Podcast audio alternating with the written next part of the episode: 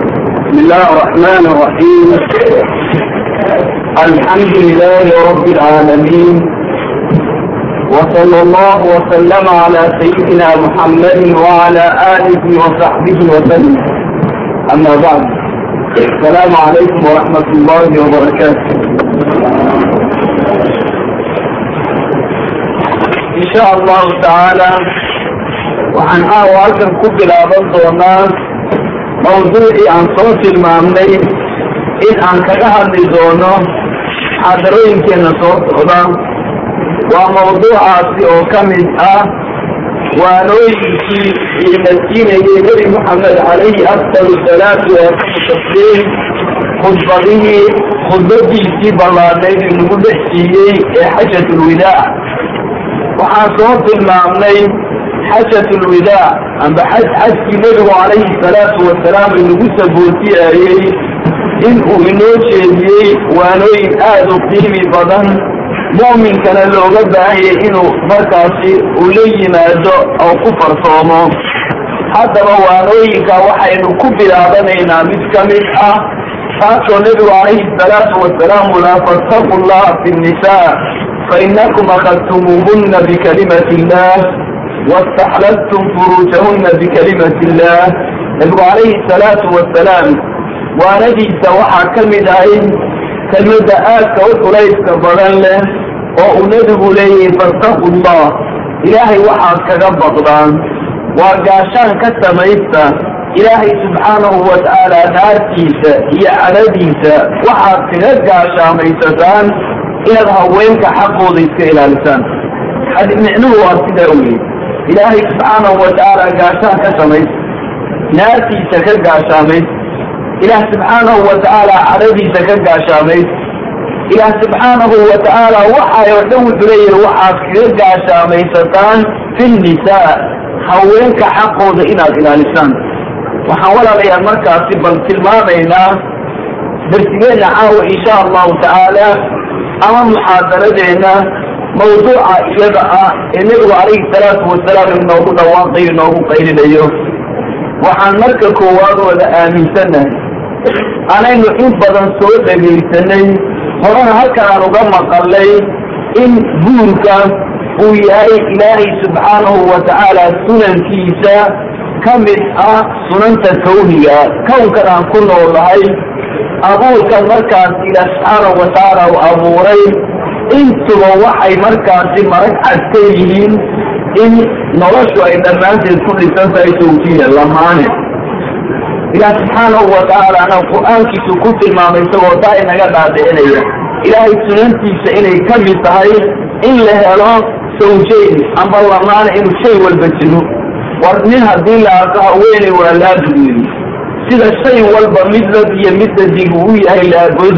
markaasaa rabbi subxaanahu watacaala isagoo inoo tilmaamaya kownkuba sidaasi aana inaanu ku soconayn waxau laha rabbi wa min kulli shayin khalaqnaa sawjayni lacallakum tadakkaruun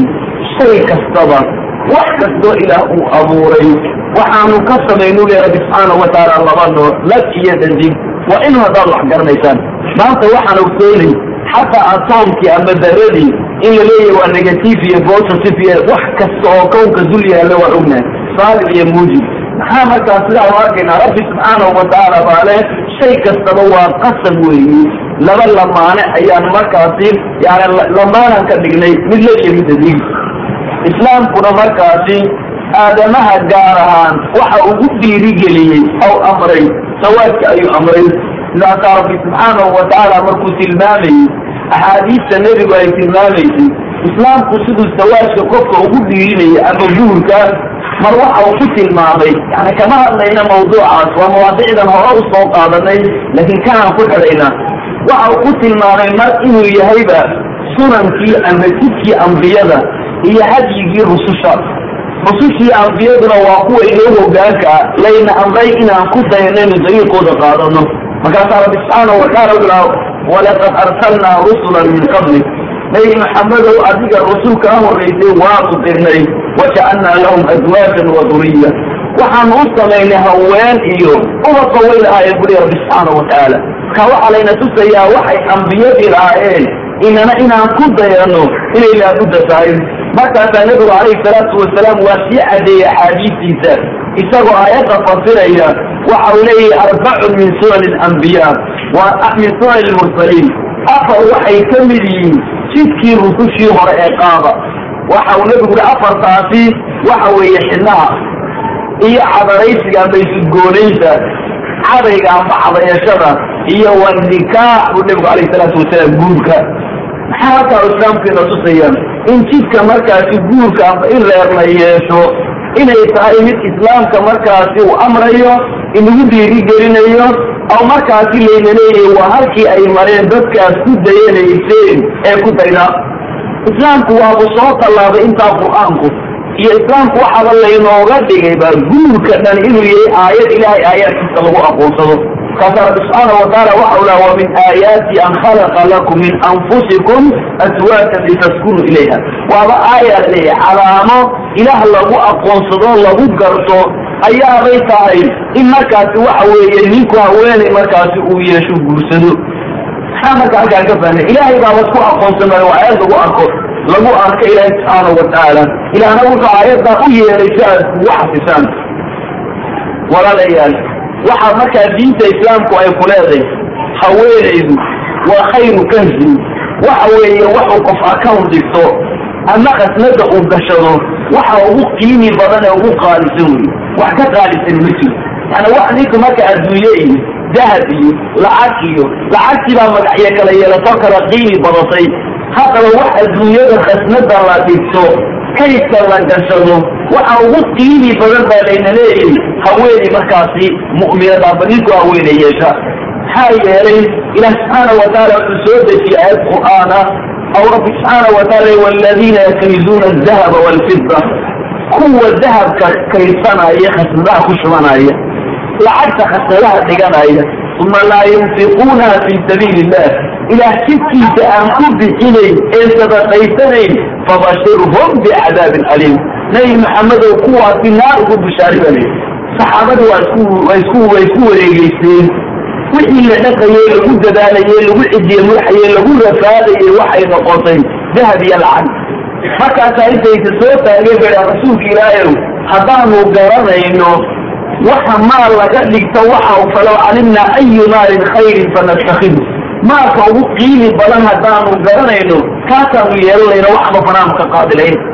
Nebigu miyuu ka aamusay maya. Waxa ugu qiimi badan ee khasnada la dhigto isagoo tilmaamaya waxa uhi lisaanun daakir wa qalbun shaakir wa zawjatun mu'minatun tuciinu calaa iimaani. Waxa ugu qiimi badani waxau nebigu uhi waa carab ilaah xusa carab ilaah xusa maaha maal iyo lacag in lagu mashquulo qalbi shaakiro ilaah ku shukri naqaaya halkan u jeedaa waalka haweeney mu'minad ah oo ninka iimaankiisa ugu gargaaraysa ku caawinay maxaa halkaa markaa layna tusaya intaayoo dhani waa dhiirigelin laynagu dhiirigelinayay horena muxaadarooyin laynoogu soo tilmaamay in markaasi qofka mu'minku haweeney yeesho bal nebigu calayhi salaatu wasalaam waa uu soo murtiyeeyey warkii oo dhan bu isku duuduubay. Markaasaa wuxu uhi man rasaqahu allah ninku ilaah ku arsaaqo imra'a saalixa haweenay saalixadoo fiican ninku ilaah ku arsaaqo faqad acaanahu calaa shadri diin. Diintiisa marka laba laga kala dhigo qaybtu rabbi subxaanahu watacaala ku gargaaro ku caawiyey ee falyataqi illaha fi shadri lbaaqi gobolka haday uun ilaahay haddaan kaga baqano nebigu calayhi salaatu wasalaam ka haweeney waa yeeshay mu'minad oo saalixada diintiisa marka laba loo kala dhigo qayb dhan bu haysaban qaybta yara u hadhow ilaahay kaga baqawley nebigu calayhi salaatu wasalaam. War arrinta halkaa la gaadsiiyey oo haweenkii ah haddaba talow tilmaanta sidaa laynoo tilmaamay ma guurkaynu maanta guur ka dhiganaynu albaabadu intaynu garaacnay aynu gallayba mise waa kule waajibaad iyo xuquuq iyo wax la ilaalinayo la dhowrayo waxa isweydiin le inta hore waa la wada qaatay. In la guursadayna meesha waa la soo wada dhigtay nebi maxamed baa tilmaamaa leh calayhi afdalu salaatu waatamu tasliim laakiin sidii nebi maxamed ilan iska dhaqaaqa mu odhane markuu guursadaydi waduu jeexay wadadii uu jeexay miyaan qaadanaynu ka daba jeexnay. Mise mintaynu intii hore kaga camal fallay ayaynu intii dambana halkaa ku daadinaynu faraha ka qaadnay waxaa marag inoo noqon doonta amba inagu dib noqon doonta muxaadarooyinkeena soo socdaan bal waxaan markaasi doonaynaa inaan tilmaamno xuquuqda lagu leeyahay. Markaa xuquuqda ay sawjnimada amba guurkaasi uu keenayo taasaan tilmaamayna amba maanta aad reer leeday amba banaad yeelan doontaa waa labadaa mid uun. Haddaba waxa weya inaad ogaatid albaabka ka gawl ma aha islaamku guursaduyni waa aaya waa calaamo amba reerkiiba waad haysaa de wixii laga doonayay miyaad keentay mise wax kalea meesha yimid waasan u danleyna inaan tilmaamno. Hada intiisa o dhana way timid laakiin waxaan weli muuqan oon meesha oolin. Xuquuqda ilaahay ba banaanka la dhigay. Marka waxay noqotay in aayadda qur'aankayd ay dad ku dhagowdo afatu'minuuna bibacdi alkitaab watakfuruun rabbi subxaana watacaala war kitaabka ina miyaad qaadanaysaan oo rumaynaysaan ina miyaad tuuraysaan bu rabbi subxaana watacaala ninka sidaa laga helo adduunyadana dulli u dheh aakhirana waa u dulli baa laleeyahy maxaad u dhaleen markaas haddaba bal waa inaan ogsoonaano xuquuqdu maxay tahay waxaan soo galay markaa xuquuqu sawjayn waa la wada maqlay laakiin ta ha la wada maqle ee maxaa loogu dhaqmilaayay ila maqalku qiimo ma kama dhigna laakiin waxa weeye in lagu dhaqmo weeyaan qiimo waxaan arkaynaa inta qaadiga booqaysa inta iswada siidanaysa inta maalintiiba la furaayo inta la guursanaya inta la furaya way isleeyihiin waad ujeedaan maxaa keenay waxaanoo dhibaato xay ka timid ima amba xagga ninkoo xaqiisii ka soo bixi waayo bay ka timid amba haweenaydan oo looba akriyo xuquuqdii hadhow guurkan ay gelaysaa oo ku lahaan garanays bay ka timid ila ado aqoonba u lahayn maxaa xuquuq lagugu leeyay maxaadka xuquuq leeday war maxaa tahay markaas dee markaad aayaddii hore soo qaadatay alla guursadoy ee guurkii albaabka ka gashay guurkii waad qaadatay laakiin dameer malabsida amba kutub xambaarsan maxaad ka duwantay marka intii kalena aad dabiiqi weydasayno wey waxaan markaasi u baahannahay bal aad intan isku dul taagno. Waxaan ku dadaali doonaa inaynu aad u yaryarayno si intaynu u xistino te waxani waa xuquuq weyi wacdi ma aha oo keliya waa xuquuq weyi habeenka hore qisaan ka warramayno war arrin dhacdada aadna lagaaga baahanyi laakiin maanta tani waa wax adiga lagaaga baahanyi oo lagugu leeyayba ima amba miisaanka xasanaadkay kuu gelaysaa ama xagga sayi-aadkay kuu gelaysaa maxaa yeelay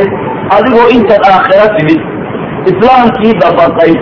oo haweenaydii islaamkee guursa laguna guursaday oo sidii laguna u dooro u doortay oo haddana xuquuqdii intaad oofin weydo ay ku haysato miyaanay mushkiladeeda ahayn haweenaydii mu'minaad ahayd oo intay xuquuqdii oo dhan oofin weyday la haysaa miyaanay dhibaato ahayn. Salaadii iyo soomkii iyo cibaadadaad gudanaysay so intaa looma jeedo. Atadruuna man ilmuflis buu nabigu calayhi salaatu wasalaam arrin saaran maaha. Ninka caydhaa ma garanaysaa buu nabigu calayhi salaatu wasalaam saxaabadii waxay rasuulka ilaahayow ninka caydhii waa ninkaan dirham iyo mataac doona lahayn. Lacag iyo alaab ninkaan lahayn ayaanu cayd u naqaana annagu. Nabi wuxuu kaasi cayd ma aha. Xaguu caydkaya kaas waxaa cayda buu nabigu ninka intuu aakhiro yimaado maalin qiyaame intuu yimaado maalinta qiyaame rabbi intuu la joogsado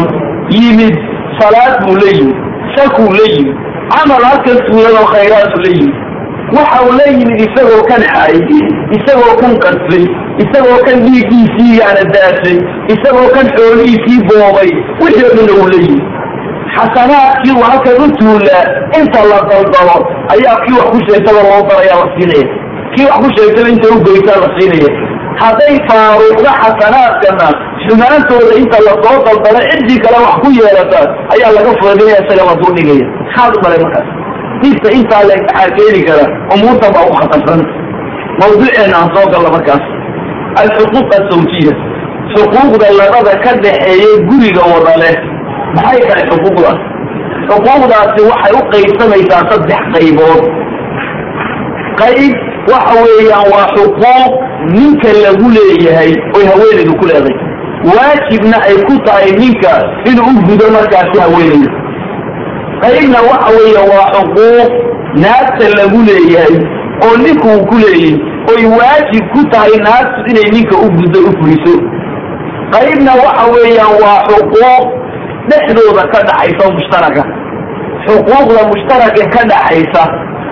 xagga dambaan dhigayna xale waa su iska caam oo la wada yaqaanba iyada waa ku sahlan oo inuu qofku fuliyana iska dhib yar oo markaa waktigula qasbaayo amaba yani wadciga joogaa u qasbaayo xuquuqda ka dhaxaysa badankooda inta badan waxaan soo horreysiinaynaa markaa labada xuquuqood ee midba midka kale uu ku leeyahy war haweenaydii baa miskiinad ah. Haweenaydii baa markaasi miskiinad ah. Iyadaa meesha itaan daran. Maxay ninka xaq ku leeday ina soo horreysina weyaan meesha. Haddaba war waxaan caawa tilmaamaynaa. Ninow xuquuqdii ay haweenaydaadu kugu lahayd taabaan tilmaamayna xaqa haddaad iska guddo ilaahay subxaanahu watacaala maalinta waad ka samataka baxday xaqa haddaad gudi weydo waa samatabax iyo badbaada meesha kuma taalla ogsano xuquuqda haweenaydu ay leedahay ay kaa sugaysaa laba qaybood bay u qaybsamayaan xuquuq waa xuquuq maaliya wey waa maalkay ku tacalluqda xuquuqna maal waa dhaafsiisan tahay xuquuqda maalka ku tacalluqda waa laba shay. Waxay haweenaydii xaq ugu leedahay meher iyo inaad biilisid labadaasi waa adduunyo waa maal. Waa labadaynu inagu wixii oo dhanka ku wada cilmiya ka dhignayba. Inagu waa meherka bixi. Hadduu biilka bixi waayana dadka way la yaabaya waa labadaadaynu xuquuqdii o dhan ku celinay. Intii kale oo dhan xabadba maayna waynu arki doona haddaba labada maalka ah labada unbaa de nin oofiya iyo nin aan oofinba waa labaday soomaali taqaan wey waxay yaqaanaan meher iyo biil. Meherka waa inuu biiliyo iyo inuu meher bixiyo. Labada waa la yaqaan. Laakiin haddaba xuquuq ka waaweyn xuquuq kaloo weyni badan ba xagga damba taalla. Bal haddaba labadan aan ku horeyno oo horta intaad bixisiyo intaan bixina la soo kala baxo. Meherku waa xaq haweenaydu ay gaar u leeday axad la yeelan kara oo la mulkiyi kara oo awood ku yeelan karaa ma jiro ninkeedu waxba kuma yeelan karo aabaheed kuma yeelan karo walaalkeed shaqo kuma leh meherku waa xaq u gaar oo u soocan cid isa soo garabta ay kari jirtaa ma jirto cid ka talin kartaa ma jirto iyadunbaa ka talin karta iyadaa hadday doonto wada dhaafi iyadaa hadday doonto adkayni iyadaa hadday doonto khafiifin oo zaali waa xaq iyadoo iska leedahay cid kale oo dhex geli karaa ma jiro. Maxaa markaas sidaa u waxaan tusaynaa markaasu in badan inay dareento xaqa weynayda ay leedahay inuu yahay. Ilaahna subxaanahu watacaala isagoo ina amraayo waxa uli waaatu nisaa saduqaatihina nixla. Waa haweenka meherkooda siiya siisma siiya weli rabbi subxaana watacaala gacanta gagarida waxba meesha kuma yaalaan haddaanad gacanta gagaridi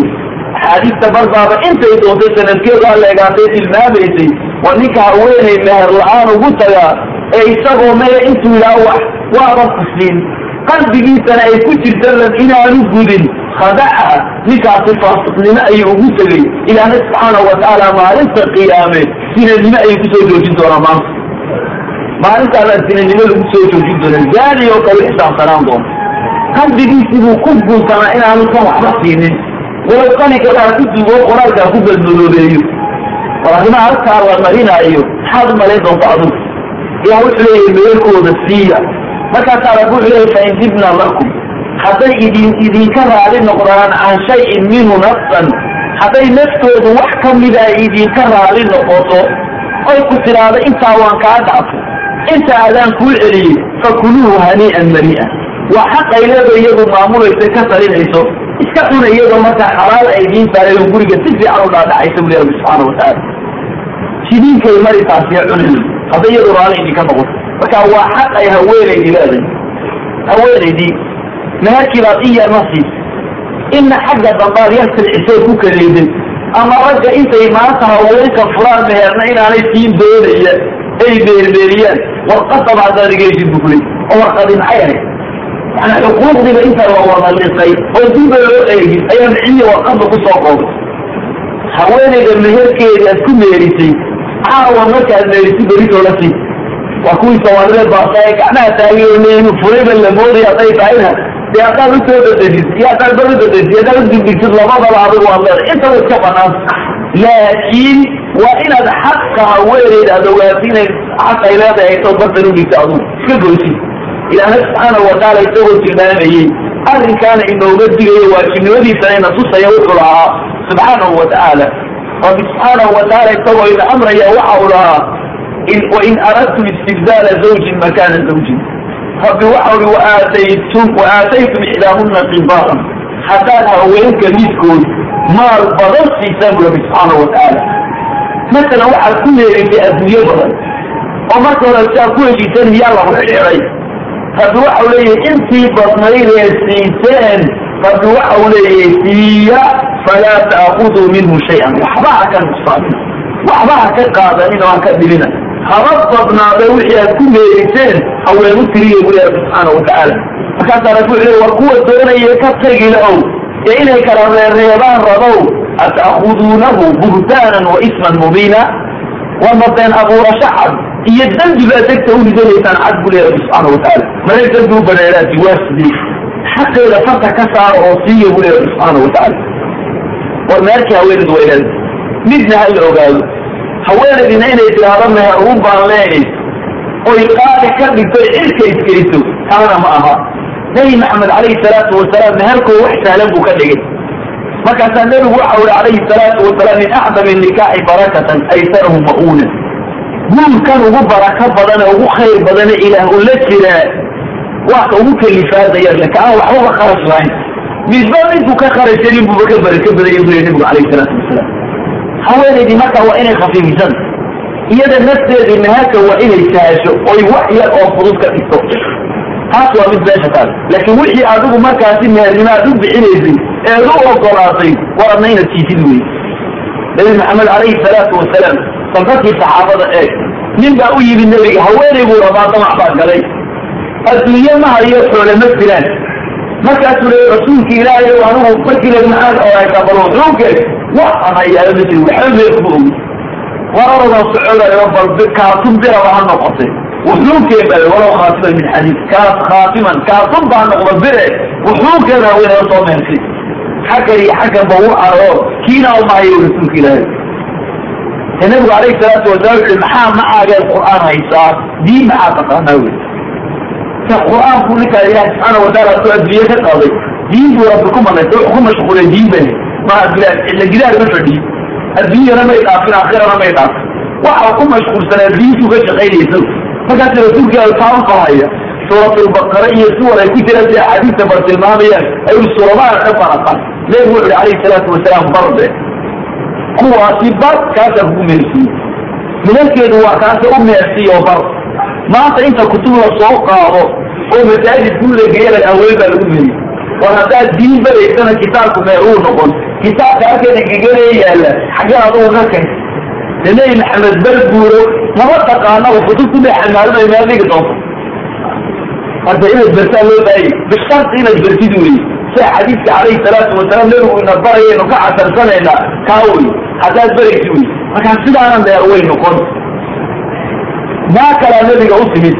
In la guursadaaba la raba nin baa doonaya inuu meher u siiyo laba kabood. Laba kabood buu meher usiiya ku meerinaya war laba kabood daqiimaysa dadkii adduunyada aanay qiimala lahayn adduunyo adiga dakabaha kuweena indhaha wax ku arkay. Odaygii baa doonaya inu inantii doonta sii cunu iibsado nolosha ku iibsado markaa waxaan ilaahay ba sharceynaya sharad iyo balaayo iyo umuuro baas buu sheegaya wixii oo dhan marka la soo dhameeyaa meher lacagoo dhoorana la weydiinaya? Kuwa ilaahyaga isagaa weydiin doona la xisaabtami doona. Tani laba kabood baa la doonaya in lagu meeriyo kabowaad isahalo waa wax bini aadmigu yar yaraysu yaiisada kabo markaa nabigu calayhi salaatu wasalaam su'aal quruu weydiiyey miyaad ogoshay laba kabood in lagugu meeriyo haabayse anaa ka raaliya labadaha kabood. In meher laysiiyo wax ogolaaday nabigu calayhi salaatu wasalaam meher waa ku dhanayay wi arrinku bas meherkeedu waa labada. Maxaa ka wadnaa? Markuu meherku sahlanaado ayuu guurkaasi khayr badanya ilaah baa la jiro caawinaya markaa kow xaqa haweenayda ay leedahay waa meher waa mid odhan naagbaal guursana o adoo waxa mehersiini kaas waa mid wey xaqa labaaday haweenaydu kaa weli soomaali way haysaa walow barbaacsantee xaqa labaad waxa weeye annafaqa waa biilkii wey haweenaydii inaad biilisidna xaq bay kugu leedahay oo haddaad iska keentid oo maxbuusad ka dhigtid oo guriga ku xidhid oo waxay cuntada aadsi weydo ka degaba sadaygaana kugu dhacday ma haweenayda inaad nafaqaysood biirisidba aday ugu waajib tahay. Waa xaq xuquuqdeeda ka wa cala almawluudi law risquhunna wa kiswatuhunna bilmacruuf rabbi subxaana wa taala aa kani wax loo dhalay ama wax loo dhalayo waxaa lagu leeyahay haweenku inuu risiqooda laka dhigo oo biiriyu wax siiyo kuwoodana uu xidho mariy mari maryana u yibjaduu siiyo. Bilmacruuf bu laakiin rabbi subxana taala inaba iloobin baa buxri bilmacruuf si macruufa macruuf waa maxay? Waxaad karaysi waxaad karaysi ma ahata in la yidhahdo ilan diiniya la yidhahdo waa in adduunye intaa leeg wax keeno. Waa waxay cunto u badi waxay ku noolaato iyo maxay waxay xidhato. Maha dharka u sarreeya de rabbi nagama iloobin oo naga gaado bil macruuf. Waxaanan yani waxda caqligana ku toosan sharcigana ku toosan ku quudiyo waxaa la leeyahay markaas. Bilmacruuf aan caqla wa ku quudiya dharna uga dhiga buu leeyahay rabbi subxaana watacaala kaasaa rabbi aayad kale waxau lahaa liyunfiq duu sacati min sicati ninkii ballaa ilaahsiiyo adduunye haysta ko inka ballankiisa ha ka beeniyo waman qudira calayh ninka laguba diiqadayo risqahu risqiisa ee biilkiisba dakuuniga ah. Waxa kunka farantirka ku soo hela shanta boqol soo hela rabbi waxa falyunfiq mima aataahu allah. Ilaah waxaanu siiye un ha ka biiliyo wax ka siiyo maxaa yeele laa yukallifu allahu nafsan ila ma aataaha? Ilaahay nafna ma weydiinayo waxaanu siinin. Intan uu siiyey haku ha ku biiliyo markaa biilkii haweenaydu waxay leedahay wey war inagu harkeen marin. Inkaarqaba wuu qayirayaa maalin oo leyl qaad buu cunaya. Reerka haweenaydin baa sirigtahay soo saambuso gubtaya wax kala qabataya iyadun baa sixinaysa oo iyada yaa ku waajibiyey inay reerka biiliso waa xaq runtii waxaan ka tagnay wey isagase mee xuquuqdii lagu laha sawka qaad ku taqsiimanaya cunayada wax naftiisii u madarro ah oo inkaari ku dhacyo naftiisa gubayo baabiinayo ka hadlayna ko ilaahna nafta wuxuu leeya waa naftaa iska dili buu kuleey nafiina halaaga ku ridina wax waktigii qiimiga badnaa ee cumrigaaga ka mid ah ee ku tabcanaysay ee rabbi qiyaamo uu ku weydiinayo kaa dayaxayo meelunku kuududiyey waxbaana ku qabsanay oo qaadlayda ayuu dul fadhiya wax diintiisii u cadow ah oo hadduu casarkii istirqiyu dabada iska riixa subixii qaadira ay dhaafisa uu leeyahay waa salaada diinoo dhama salaada iskugu tilsooma u cadowa ayuu weli sii haystaa oo reerkiisii buu dayacaya ubadkiisii buu dayacaya waa wax maalkiisi oo dhan buu israafsinaya oo bixinaya. Sawtii laynaga xaaraam yeelay in maalka aan dayacno idaaxatu lmaal waa xaaraam maalkoo la dayaco maxaad ku bixisa ma macluultaa ku haysato baktiis maxaad cagaarka ka dhigaysa? Waa wax lagu weydiin doono wey haddaa foolnada intaa leg waxaa cadowga ee qiimiga daran leh ee isagu haddaanu xaaraamayn wax xaaraamada aan la garanayn markaad reerkii dhammaa ku qadisay xuquuqdii waajibka lagugu lahaana aad faraha ka qaadid waa halkeed qiyaamo istaagaysa halkeed u diyaarta in qiyaamo lagu markaasi qiyaamaha yani maxkamadaada ay ku dhacdo maxaa diyaarsatay ilan waa kan isagii maalin walba wuu cunaya wuxuu ku leeyahay oo lacag baa laysini oo muu ii sheegay kaar qabo. Na waad arkaysa maxaan inkaar qaboodane ficlan inkaar baa ku dhacday kaas. Inta isagana maalin loo leey cunayo reerkii iyo ciddii xaqurayada dayacay inkaar baa ku dhacday kan inkaar iska dhici war waa in la ogaado wey xuquuqda iska heg nabi maxamed calayhi salaatu wasalaam kafaa bilmar'i isma. Maaha waxaan sheegkayna kala soo baxayn nabi maxamed baa dhawaaqay o leeya qofka waxaa dembi ugu filan an yudayica man yacuulu cidduu biirinayey ee waajibka loogu laa inuu dayaco kaasaaba dembi ugu filan bu nabigu alayh salaatu wasalaam taasaa dembi ugu filanba maxaaba kala ka reerkii biirin weydo dembiba waa kuu dhammaaday waxa ui khayru sadaqati wax la sadaqaysta waxa ugu khayr badan maa kaana can xina adigoo kaaftoon ah wixii deeta abixisid markaasaa nabigu waa sii tilmaamay kaaftoonku waa xengi waxa adigoon ubarkaadi u baahnayn haweenaydaadiina u baahnayn waxaad la bacdid ayaa sadaqa ugu qiimi badan wey islaantii macluul baa ku dishay. Ranka yani oo waadigan wax walba yani ubarkii macluul ku dilay oo waxaad sadaqaysanaysaa micnaha yeelan doonta baad ka tagtee waxaad dambeed qabanaysaa shacse la iskaga jarayaa maanta innaga waajibkiina munkarkiina macruuf baan ka dhignay oo macruufkiina munkar baan ka dhignay maanta yani wixii wanaagsanaana xumi baan ka dhignay xumihiina wanaag baan u bedelay inaga werkeena dah wax ka nebi maxamed dawaaqi waxa ui sadaqa lala baxo waa wixii kalastoon lagula baxa ayaa khayr badan walyad lculya khayru min ayad sufla xadiis weli ma dhamaan gacanta sarraysay had jeer wax la baxaysa ayaa gacantan baryootamaysa aafowday ka qiimi badan. Nabigu waxa ui wabda biman taxul markaad wax la baxaysidna naqaaqun laguma odhan. Ciddaad diininaysid kaga bilow nabigu alayh salaatu wasalaam ciddii diilka kugu lahayd kaga bilow. Saxaabadii bar baa soo booday bacda alaxaadiis. Markaasaa qiila waxaa la yidhi rasuulki ilaahayow baa la yidhi waa mayo manaxul yaan fiiliyaa wuri ya rasuul rasuulka ilah xadi saxaaba waayo cidda inaan fiiliyon kow ka idhaahda ay tahay. Nebigu waxa ui imra'atuka miman taxul umarkiada lama sheegin haweenaydaadu waxay ka mid tahay kuwa aad diininaysid buu nabigu alayh salaatu wasalaam. Markaasuu haweenaydii ugu horraysay umarka ka horraysay wuxuu yihi taqulu adcilnii wailaa faariqnii waxay ku leedahay waante amba diinisii amba ifur haweenaydii ugu horraysay umarka ka horraysay wuxuu yihi taqulu adcilnii wailaa faariqnii waxay ku leedahay waante amba diinisii amba ifur kamidin haysata ma iyadaa ka kawole nabigu alayh salaatu wasalaam iyadaa kule xadiiska imaam axmed iyo shaykhaan baa iskasi markaasaa waxa u leeyay nabigu alayh salaatu wasalaam waxay ku leedahay tudcilnii waad iquudin wailaa faariqnii waad ifuri iyadaa kow ka abu nabigu alayh salaam sawqaadinama dhaafin kaas afarka ma zeelin kol haddaan mawduucanba ka hadlayno qaadooyin horsuga warbaasaa la yskaga tago. Meel qurun wanaag ka leeyahay ma jirto. Waa qurun. Waa yani wa waa yani um lkhaba'is ba waa isaga inaga ima um lkhaba'is kana jira khamrada ka qaran ka bale badan inuu khamra kaga daran khamrada ninka cabo waa ka carab oo nin waalan baynu u wada haysana laakiin ninka baankan cunaaya ee ubadkii dayacay ee wax haweenaydiisii dayacay ee xuquuq oo dhan ka baxay ee naftiisii la dagaalamay cimrigiisii la dagaalamay aakhiradiisii la dagaalamay. Markaynu aragno dadkiibu khayrkiibu wax la qaba baan leena dadkaa dhan bu wax la qaba. Khamriga waa qaban wasanaya ka belebadayi nabigu alayhi salaatu wasalaam xadiis kale waxa uu ku uri dinaaran anfaqtahu fi sabiili illah warbana la isku dhegeysa dinaar faran be boqol faran. Oo da ilaahay ula baxay dinaar aad ku bixisid addoon aad xoreynaysid. Addoon aad xoreynaysid. Waa qof addoon xorriyadiisa siinaysa dinaar tasadakta bihi calaa miskiin. Miskiin aad ku sadaqaysatay. Waa xadiis xadiiskii imaam muslim werinayay dinaar da ilaahay aad ula baxday. Dinaar aad ku addoon ku xoraysay dinaar aad miskiin ku sadaqaysatay wa dinaar anfaqtahu calaa ahlik iyo dinaar aad ku bixisay ehelkaaga ood reerkaaga ku biilisay acdamuha ajran aladi anfaqtahu calaa ahlik kaad ehelkaaga ku biilisay baa intaba ka khayr badan buu nabigu alayh salaatu wasalaam jihaad fi sabiil waa gaalo qoonta laga guray waa addoon aad xoraysay waxaa ka qiimi badan oo intaa oo dhan ka khayr badan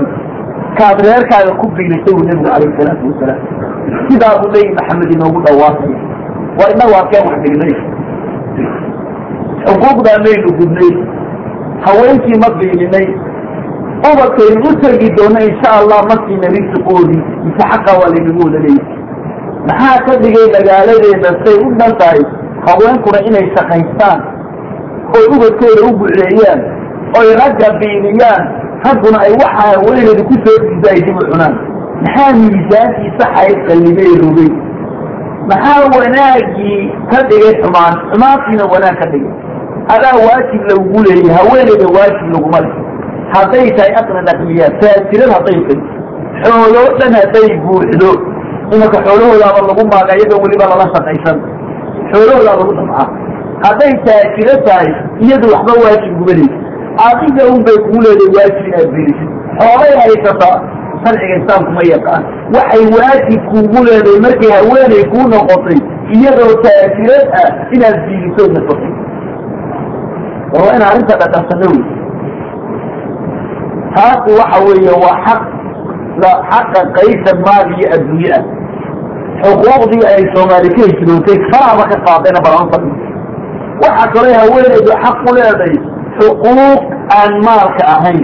laakiin maalka ka gedisan waa xaqa koowaaday leedahay waxa weeye xuquuqdaa kale. Ambaba kii saddexaad ka dhig markaad isku wada sixisid waa xusn lmuxaasana inaad kula mucaamalootid mucaamalo fiican. Ilaah subxaana watacaala muxuu u jideeyey reer in la dhiso. Waa inuu guriga markaasi u noqdo litaskunuu ilayha bu rabbi subxaana wataala inaad ku xafisaan oo ku degtaan haweenaydii waa inaad markaa kula dhaqatid mucaamalo fiican akhlaaq wanaagsan dabeeco fiican wanaagood u horseedid maxaa yeelay ilaah subxaana wataala ilay wacaashiruuhunna bilmacruuf haweenkii waxaad kula dhaqantaan macruuf wanaag markaasaa rabbi waa ina sii dardaaraya waxaad dhici karta oo hadday iyadu qalqallooc leedahay tuura tuura leedahay ma iyadoo tuura tuuraha anu wanaag ku dhaqmaa ha iyadoo iska qalqalloocdo adu wanaagsano baa wuli iyadoo qalqalloocdo wanaaga aduu ku dhaqan xaaliga wanaaga ku jiyey rabbi baa le fain karihtumuuhunna facasa an takrahu. War haddii aad shay ku nacdaan waxaa la arkaa shay inaad nacdaan facasa an tukrihu shay takrahu shay-an wayajcal allahu fiihi khayran kasiira. Ilaahna kaasi khayr badan idiin geliyaabaad arka waxaanaad nacayseed qoonsanayso eed u laaday khayrku weyn intaa ku jiraa la arkaa bule rabbi subxaana watacaala marka adigu wanaagsan u balwi adigu wanaag u samay. Way qalqalocdaa yaa rabbi war adigu wanaagsano baa luli maxaa yeelay haddii aad adigu dhinacan ka nacdid ilaah inuu khayr ba geliyey waxaan adigu ma garan karaysid dantaada rabbaa kuu garanaya ku sabiro xamil baa luli way adagta way dabeecada lasoogurusha ku sabir baa luli waa kaas. Awaad u jeedaa markaasa xadiiskale nebigu calayhi salaatu wasalaam isagoo kaa tilmaamayo adkaynaya waxa uu lahaa rasuulku salawaatu llaahi wasalaamu caleyh waxa uu yihi calayhi afdal salaatu wa atamu tasliim. Isagoo inagu adkaynaya ninka mu'minka ah haddii uu haweeney ku karo oo ku naco yani laa yafrid mu'min mumina waa xadiis. Mu'min yaanu mu'minad ka bidin oonu diidin oonu nicin in sakida in sakida minha khuluqan radiya minha bikayr aw kama qaala rasuulullah haddii uu dabeecadeeda in ku nacuu ku carogeliso in kalay ku raaligelinaysaa u nabigu calayh salaatu wasalaam hadday koono ka xun tahay waa koono kale ka fiican koono kale ka fiican ka nabigu calayhi salaatu wasalaam le mu'mina yaanu mu'minad kaba didin oonu nicin buu leey nabigu calayh salaatu wasalaam waa mucaamalo fiican way kugu leeday markaasaa nebigu calayhi salaatu wasalaam iimaankiibuu inoo qaybiyey halka lagu qaybinayo darajaadka lagu qayb musaabaqa loo geliya iimaankii dhegeysa musaabaqada waxaa loogu gelayaa waa reeso wey nebigu yihi calayhi salaatu wasalaam soo tartanka lama garanayo. Waa konkuri tartan baa lagoola waa tartamaya waxaa lagu tartamayaa waa iimaan maanta ciyaar ciyaar ma. Ninka doonaya inuu tartanka hadka koowaad ka galo islaantaadu xejiyo si fiican oo akhlaaq wanaagsan oo haydaa lagu leeyay iimaan ku hay ninka doonaya inuu tartanka ku dhacoon adaa yaqaana iyaduu ku xumo soomali dhaamo sax bay noqonaysa. Markaasaa nebigu waxa leeyahy akmalu lmu'miniina iimaanan. Mu'miniinta kooda ugu iimaan kaamil noqosho badani axsanhum khuluqan. Waa ka ugu dabeecadda fiican. Haweenaydiisu la dabeecad fiican mu'miniintu la dabeecad fiican aadamahoo dhan buu dabeecad fiican kula dhaqmaya nebigu ma dhamaynin dabeecaddaas inay haweenaydu ka kow tahay buu ku siixinayaa wa khiyaarukum linisaa'i buu nebigu calayh salaatu wasalaam kuwiina ugu dooroon ee dad laga qaatay ugu qiimiga badan lena waa kuwa haweenkooda ugu fiican buu nebigu calayh salaatu wasalaam. Nin walba intuu haweenaydiisa ku yahay unbu ilahay agtiisa ku yihi halkaas ka cadaatay marka waa marka xaqii islaamnimada ilaalinaysi wey war in la islaaliyo wey meesha guurun gal maaha haweeneyda waa lagu jajabiyaa gudkii soomaalida ma aha ninku waa inuu naagta ka sarreeyo una cadaadi ma aha intaa midta laguma odhan laakiin darajada iimaankaaba lagu kala qaadanaya markaasaa nebigu calayhi salaatu wasalaam meesha maahan shabaab iyo digdig samee oo nin ha lagu hada nin rag bari rag kelmadaa ma aha nebigu wuxuu leeya war meesha tartan kalaa jir alaa wastawsuu bilnisaai khayra waa hooyay istiru nebigu alay slam hooyaay buu nebigu alayh salaam waa qaylinaya hooyaay bay alla ka dhigantay istiraay haweenka khayr isku dardaar buu nebigu alayh salaatu wasalaam haweenka xanaanee haweenka ilaali waa quraadadeha kadib ku dardaar buu leey nebigu ale fa inamaa huna cawaamu saxaabiistay agtiina ku yidhi idinkaa tasarufki iyo amarka u haya laysa tamlikuuna minhuna nebigu wuxuu istira haween kuma lihidin soo agtiina maxbuusiin kuma oo gacantiina kuma jiraan haween kuma lihidin buri nebigu calayhi salaatu wasalaam kuma lihidin ilaa maxay waxaad ku leedihi shayna kuma lihidin intaa ka dambaysa oo ah masalan macruufka iyo ixsaanka wax ka dambeeya kuma leydin bu nabigu alayh salaatu wasalaam ee ogsoonaada addoon iyo garaacis iyo lafakaris iyo umadaxtaag iyo waxaa midnaba kuma leydin xaquuqda aad ku leedahay maba ahaba markaasaa nabigu leeya khayrukum. Khayrukum liahli wa khayrukum liahli rasuul nabi maxamed alayhi salaatu wasalaam ma inaynu gaadno saw suubanaha inaynu ku dayano ma rabno. Saw ummadiisa inaan noqono ma doonayno. Bale tusaale cad buu nabigu inoo dhigi wuxuu ihi kiina ugu khayr badan ee ugu dooran ee la qaataa waa kiina ehelkiisa ugu khayr badan ehelkiisa ugu roon wa ana khayrukum liahli anaana aka idinku dooroon ee ehelkiisa dhowra bu nabigu alayhi salaatu wasalaam walaalayaal markaan sidaa tilmaamayno waxaa dhani waa xuquuq ay haweenaydii leedaho inaad mucaamalo fiican kula dhaqanto waxaa ka mid a xataa axaadiistu ka soo gaadhay sida dhallaanka intaad cuntada jisaanka ugo xataa loo leeyay haweeneyda cuntada sii oo markaasi waxa weye xataa loo leey nabigu waxaa ku tilmaamay adigu ma haweeneydan haddaad inaga kacdid ood raashinka ka soo gurtada haweeneydaada raasisiisid qiyaamaaba dhacday inaga. Iyado inay wax ku siisa mooyaane adigu weli wax ma siisay waa wada mustaxiil yani ninka nin waalan buu arki doona waxaa filaya dad inaga waaweyn way fadhiyaan meesha yani waxa weeye waa nin nimadiisi dhimataa loo arkay war sidaas aha nabi maxamed sacd ibn abi waqaas buu laadayay saxaabigii sacd ibn abi waqaas loodhayay marka ui wa inaka lan tunfiq nafaqatan tabtaqi biha wajha allah ilaa ujirta calayha waxa ui sacadow nafaqa biil ma siinaysa haweeneydeeda adigoo ilaah wejigii ku dalbaayo waxaad u biininayso ilaa haddii kale ajar baa lagaa siin. Xataa luqma xataa waslad yaroo hiliba oo tadacuha aad dhigaysid fii fami imra'atika afka haweeneydaada waslad hilibood dhigtid ood u soo shaqaysood u keentid oo xun aad tidhaahid taa hadday tahayna rabbi subxaana wataala ajar weyn buu kaaga koraya samxaad ajarka iskaga kora wey maxaad reerka markaasi mar adna u shaqayn weyda iskaga garab shaqayn weyday waa maxay adiga yaa kuli wax bisiluu sugiyana wax u bislayso yaa kuu diray markaas cajaayib iyada naftooda waan u doonaa xuquuqooda laakiin adiga mucaamalada fiicana lagu leeyay waa taas. Caaisha waxay leedahay nabigu calayhi salaatu wasalaam gurigiisa markuu joogo reerkiisa u shaqayn jiray sabatoliya wax kala qabaya waxa waa ehelkiisa ayuu khidmadooda ku jiro waa u shaqaynayey kol haddii allahu akbar la yidhaahna waaba soonaan isaqoon buri wuu dhacay maysi nabigu alayh salaatu wasalaam tasiibaa laaga baray. Markaa mucaamalada fiican ilaa halkaasaa layna soo gaadsiinaya inaan gaadsiino arrinka waraa la eego ha loo fiirsaa nabiga waxaa la weydiiyey mal xaqu lmar'a haweenaydu maxay xaq ugu leedahay markaasi ninkeeda? Waxa uu ihi inuu quudiyo. Markuu isagu wax quudanayo wax siiyo hadduu dhar iibsaduu labis iibsado waa akhlaaqda iyo mucaamalada fiicaneed iyana waa inuu labis u gooyo. Adiguna xaragoo maa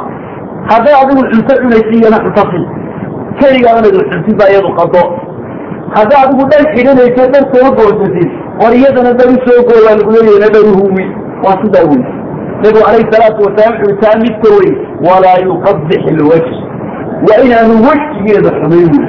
mirbaaxa iyo hadidaati hanjabaati yani bob kaga sii iyo midna lama ogola war inaad salkod ugu qaadi wejigeeda lama ogolaba iyo inuuna odhan xataa wax kale kadaa qabaxaka allah allaa ku duneeyo wejiga ha ku sadxiye ha waxa inaan odhan wey kamadala shayga waa taas wejigeeda waa inaanu xumayn baa xuma oo tusin. Waxa ka sii dambaysa walaayada waa inaanu garaacin wey kii dukayadisame war duska iska dhigmala wey waa inaanu garaacin. Maha dheer dheer waa xuquuqda ay haween kugu leeyihiin marka reerka soo gelaysana albaabka doonaysana guursada soo garaacaysi war waxaan oo dhan baa lagaa doonaya inaad horta soo xamaalato biyo la noqotid haddaanad inta sidan balaayaa ku qabsatay kaasina waa xaqii labaad ee xuquuqda aan maalka ahayn ama xaqii saddexaad. Aan ka tallaabna waa ku dheeraanay xaq labaad aan u galno oo xuquuqda aan maalka ahayn ka mid a waa siyaamatuha inaad ilaalisid wey waxay xaq kugu leedahay haweenaydi inaad ilaalisid. Kanna waa ka dhimanay. Haweenaydi markaad reerka keento haweeneyday noqotay iyaduba gurigiiba ha maamushana maha war. Inantii meeshay doonaysaa u dirto inankii halkay doonaysaa u dirto iyadu meeshay doonaysaa ha ka baxdo. Waa haweeneyda adiga mas'uuliyaddaas ku saarta inaad ilaalisid inaad eetid waxaanay qabanaysiyo say u socotaa ma si ku habboonba islaamnimo. Mise waa si aan ku habboonayn. Maha iska daa faraha ka qaad. Meesha bud maaha ilaali baa lagu leeya budka la soo ordaye ilaali baa lagu leeyahy dhowr saad u ilaalin sacad ibnu cubaada in haweenka in la ilaaliyo ay tahay saxaabi qiimi badan bu ay kaga fiirso. Nebiga calayhi salaatu wasalaam dhaxalkiibuu ka guntay. Markaasa isagoo ku deehmay oo ku dayday nebiga ayaa wuxu ui low ra'aytu rajulan maca imra'ati weeraan baa inaga la iskacan qaadaya nin kalea la taagan haweenaydaas banaanka iska socotaa rag kalaa la socda dareen bameri goorba kama waxay samaynaysa oo ibliis hadduu xaggaa kaga yimaado oo dhinac walba ka dhibdhirbaaxu waddadiisa ku rito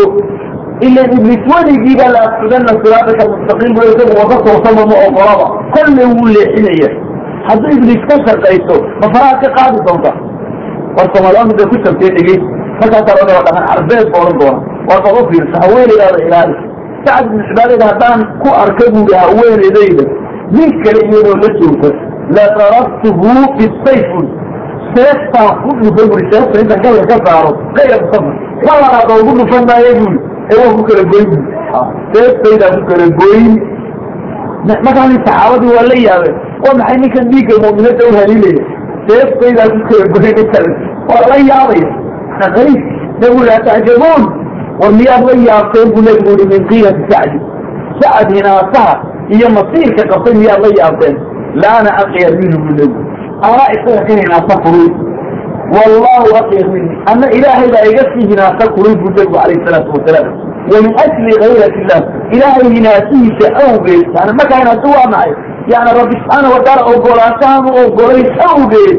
in xumaan lagu dhaqaaqo ayuu xarama alfawaaxisha maa dahara minha wabadar wax xun oo dhan. Ilaa ku muuqdiyo kula qarsadaba wuxuu u xaaraam yeelay waa ogolaansho ama ogolin awgeed. Xarmale marka haweeneyda u diid ka inaado ka masiir inay la timaado waxaan markaasi aana u jiran markaasaa nebigu waxa uu yihi calayhi salaatu wasalaam isaw ina allaha yagaar wa ina almu'mina yagaar ilaah waa masiira waa ka dam yani waa diidaa waxa xun ee lagu kacayo. Nebi maxamedna calayhi salaatu wasalaam iyo mu'minkuna waa diidaan xumaanta lagu kacayo. Wagayrat llahi an ya'ti alcabdu maa xurima calayh ilaah masiirkiisa waxau rabbi ka cadoonayaa waxa weeye in lala yimaado wixii u xaaraam yeelay. Khamrigii buu xaaraam yeelay macaasidii buu xaaraam yeelay qurubkii buu xaaraam yeelay wax dhan oo dhan waxaan argo dhan buu xaaraam yeelay. Haddii lala yimaado rabbi waa ka cadoodaa mu'minkuna waa ina cadoodadi haddaanu reerkiisa xumaanta u nixin waa mu'minnimadu ma jiraysa ogaada markaasaa nabigu alayhi salaatu wasalaam ui alaaatu laa yadkhuluuna aljanna saddex janno geliba maayaan bu nabigu alayh salaatu wasalaam. Inaad haweeneyda ilaalisid weye faraa inaad ka qaadid maaha. Inaad wixii islaamka iyo islaamnimada ku hagaajinaya aad fartid weye ood ilaalisid. Nabigu wuxu uhi janno geli maayaan saddex caaqul waalidiin waa kuwada baatilka. Ninka labadiisa waalid ku madax adkaada hadda garaaco lama odhan hadda guryaha ka eriya lama odhan hadda naagta ka raaco lama odhan waalidkiisa ninka caaq ku noqda ee ku madax adkaaday amarkooda diida kaasuuka jannada geli maayo naar un barasa ka samay wadayuus buu nabi ka dayuuska dayuuskana isku wada caayan ee suuqa u batay kan dayuuskina janno geli maayo warajilatu nisaa kana nininka iska dhigta naagaha naagta ninin uu doonayso xooskiisa isku egeysi tallaabooyinka isku egeysi baaku dhanka u xidho xidho tan ninnimo uniga iyada laga raacee daba socota taasina janno geli mayso saxaabadu waxay lahayd kuwa kaloo dhan garanaysa naagin isku ekeysiso ninnimo doonaysa meel aanay joogin wa iska cadda. Nin waalidkiisii ku madax adkaadana waa cadi dayuusku dilaan kaasaa micna u baahan. Waxau nebigu waa ninka intuu ehelkiisii xumaan ku arko aan ka qiiroon intuu ka masin u ka hinaasin aan u diidin wey xumaantii u daay naagtiisi ora kale iskala socota. Naagtiisii oo iska baxaysa suuqa u habeenkuu dabadi albaabkan soo garaacaysa. Masaaibta taaganaysa inantiisii oo yara la mid ah oo meel ay ku maqantay aan warka haynin. Waxaba dhacdaba imaka in la leeyahy waa inankii heblaaye inanki heblaaye war xaggeed iimaan ka sheeganaysa. Iimaankaas aan ku jira adaa lagu leeyahay dayuus baatay markaas. Janno meela ka sugi naar mooye baa lagu leeyay waa inaad diidadi. Xumaanta iska diid baa lagu leeyay xumaanta lagu doonayo ku adadkaatid waa kaa wey marka. Waa kaa wey inaad iska diidid wey xumaantaas. War baa la ogaado haweenaydii iyo ali baa la meesha ma iska hinaasunba islaamku wuxuu doonayaa qiilad iyo hinaataan ictidaal lagu samayso caad cadaalad samaysa tallaabo kastaa da tiri haweeneyda qodqodi sawta qodqodi sawta aad ugayso de sawka ibliseynta kuu koordisay sawka reerkii bay iska dilay maaha maaha inaad wax kastaba aad markaasi ka hinaatid wax kastaba ina yeeshid maaha waa inaad miisaan u yeesho dawdid wey ina min alkiirati maa yuxibuhu allahu nabi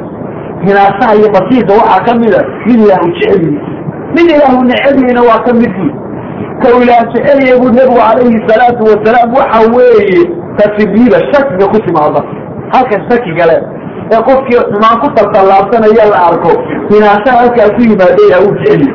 kaan iyadoon waxbaba jiri iska yimaadana ilaah waa necebiyey buu nebigu calayhi salaatu wasalaam war haddaba waxa weeye intaayoo dhanba waa xuquuqa haweeneydu leedahay inaan ilaalino wey inaan dhawrno wey xumaanta aan ka ilaalino haweenku waa ducafa way taagsayihin waa inaad ilaaliso dhowrtid weeye. Aad dariiqaysaanku ku toosisid aad wacdido. Aad xaqa ku soo baadbaadid aad had iyo jeer markaasi adigu aad ilaaliso jaar ka haysid waxa u maslaxataa inta badan garan mayso. Weligeed haydkiisoo tidhaahdo may waa yaraysa waa la yaraysanayo. Maaha muslimiinta. Waa caatifo wey wixii horboodaba iyada waa la dhalaalayana waa iskala boodaysaa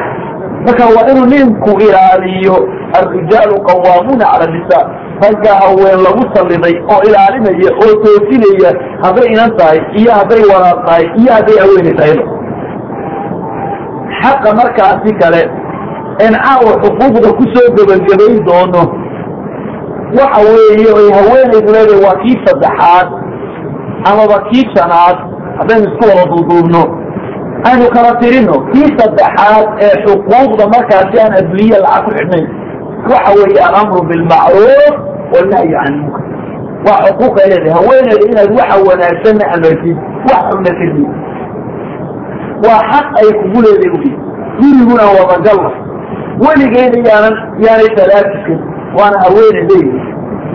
waxay doontaa yaanay xijaab qaadan waana haweenedaydi oo daadu maxaa tahay marka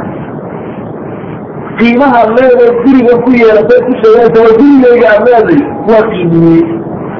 alamru bilmacruuf waa xaqay kugu leeday wey wannahyu can ilmunkar haweeneyda wixii aan ku habboonayna waxaan ka joogsana waxay dayacdeena falte rabbi subxaanahu wa tacaala isagoo amraya oo ina amraya waxa uri waamur ahlaka bisalaat wastabir calayha laa nas'aluka risqa masuul aduu ateey ehelkaaga amar baa ehelkaaga amar salaada amar waxa weeyaan wastabir calayha ku sabir oo ku yani xamil oo dhirta kaaga saato u adkayso xamil salaada ku xeji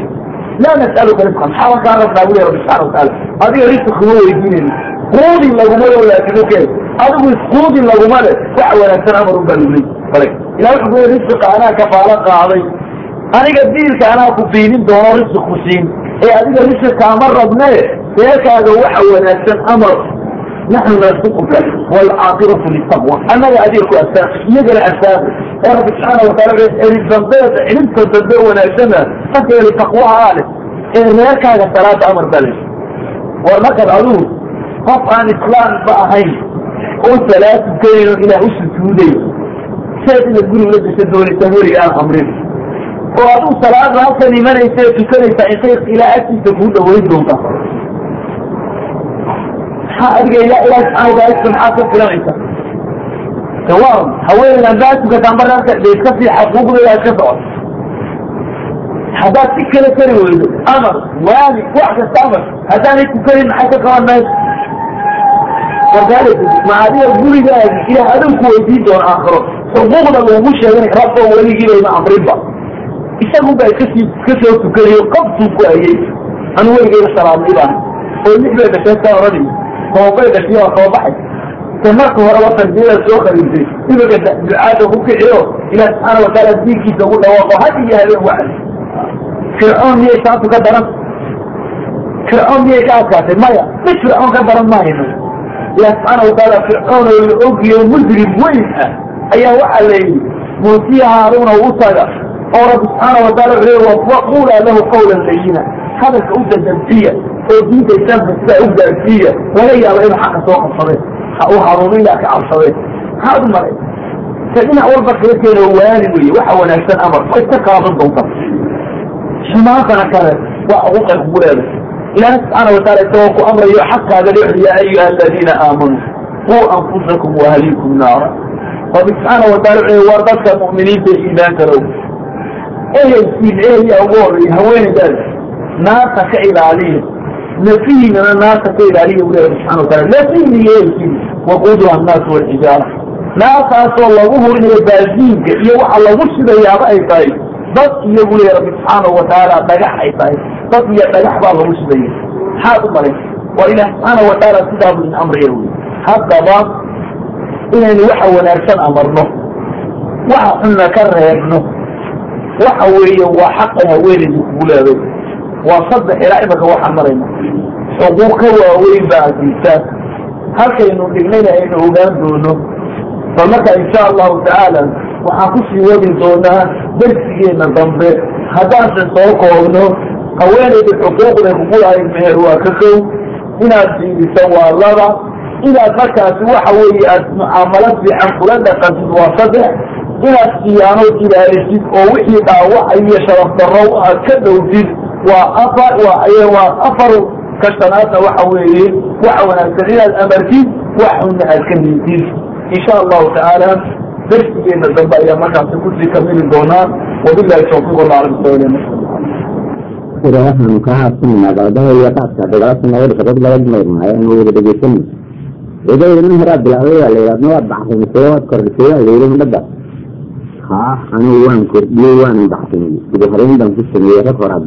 sax boqolaal qorsowda qabiya qado adigaale qorya raamsa qudkanayare qado adigaale ways duniya qayliya huruuf qado adigaale qalbi qooqan qoora aan wax karin qado adigaale gadgareeya kaadida qulquli qado adigaale kasaqayan dumar wada qariban qado adigaale jirkoo qaasha nadarkoo qayiran qado adigaale macdan qubata hawshan la qaban qado adigaale macdan qubata hawshan la qaban qado adigaale qalbi guban sigaar lagu qanciyo qado irdabar wasajir qamqama qado adigaale tarin qado adigaale qaylo un reerkiina qadi qado adigaale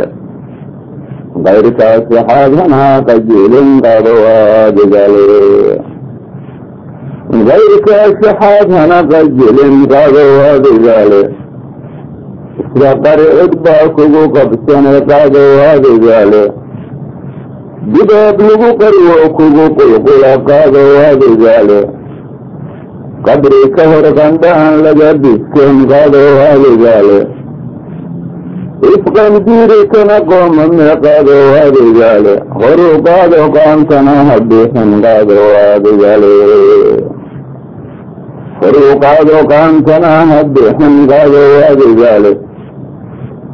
qise iyo qur'aan lagu kaftamo qado adigaale qasad dhaar aqowl aan la filin qado adigaale gosol iyo qamuunyo isku xiga qado adigaale cumri kuu qoraa qaybka lume qado adigaale qalbiga fuqurka iyo quusrageed qado adigaale qalbiga fuqurka iyo quusrageed qado adigaale dad qamaama qayliyo dadaal qado adigaale saluu qaadkay maantana qafaal qado adigaale qalbi olol war qalbi olol marqaba oo qanin qado adigaale abyaaladiyo iimaan la'aan qado adigaale dhalinyaro afkoodun u qoran qadow adigaale wax min weyni qaado qayl wax min weyni qaato qawado qadow adigaale kaga qaada qori caaradii qadow adigaale salaadaha dib qabo ama qalle qadow adigaale afka shuushahoon cadaygu qaban qadow adigaale afqashiishahoon cadaygu qaban qaado waadigaale qanaas qayb daroogada ka mida qaado waadigaale gafladaan dareenkeed la qabin qaado waadigaale qaamuuska cay waxa ku qoran qaado waadigaale faqiir qaniismoodoo qayiila qaado waadigaale raggo qiista dumarkoo qawada qaado waadigaale raggo qiista dumarkoo qawada qaado waadigaale raggo quusta dumarkoo qawada qaado waadigaale afqa lala bushima qolof dhacsada qaado waadigaale afqa lala bushima qolof dhacsada qaado waadigaale qamiis walad qubays laga wahsado qaado waadigaale qamiis walad qubays laga wahsado qaado waadigaale indhafariya iyo dhibid qurmoon qaado waadigaale ways laga dhixiyo qaaqlanina qaado waadigaale waqultil owliya kidbiya qaado waadigaale qadici salaadnimo qasada qaado waadigaale intuu qadaf qofuun ku hadli karo qaado waadigaale sodonkaa qisee wada qudxiya qaado kontonka qisooda qudsiga qala wadigaale tasjiilaatu masjidi nuuraaniyi bijabuuti تحيي المسلمين وتنبههم إلى سلاح معظم وهو إذا سألك عبادي عني فإن إني قريب أجيب دعوة الداع إذا دعان أحد السلف يقول الله يدعي على الله حتى شراب العيش وحمل فوق كل شيء يبغاه يا رب يا رب والذي يدعو الله دائما الله عز وجل يستجيب والله يقول قال ربكم ادعوني حتى زين سبحان ذي الملك والملكوت سبحان ذي الجبروت سبحان الحي الذي لا يموت سبحان من عز فارتفع وذل كل شيء لعظمته وخضع سبحان الله وبحمده سبحان الله العظيم اللهم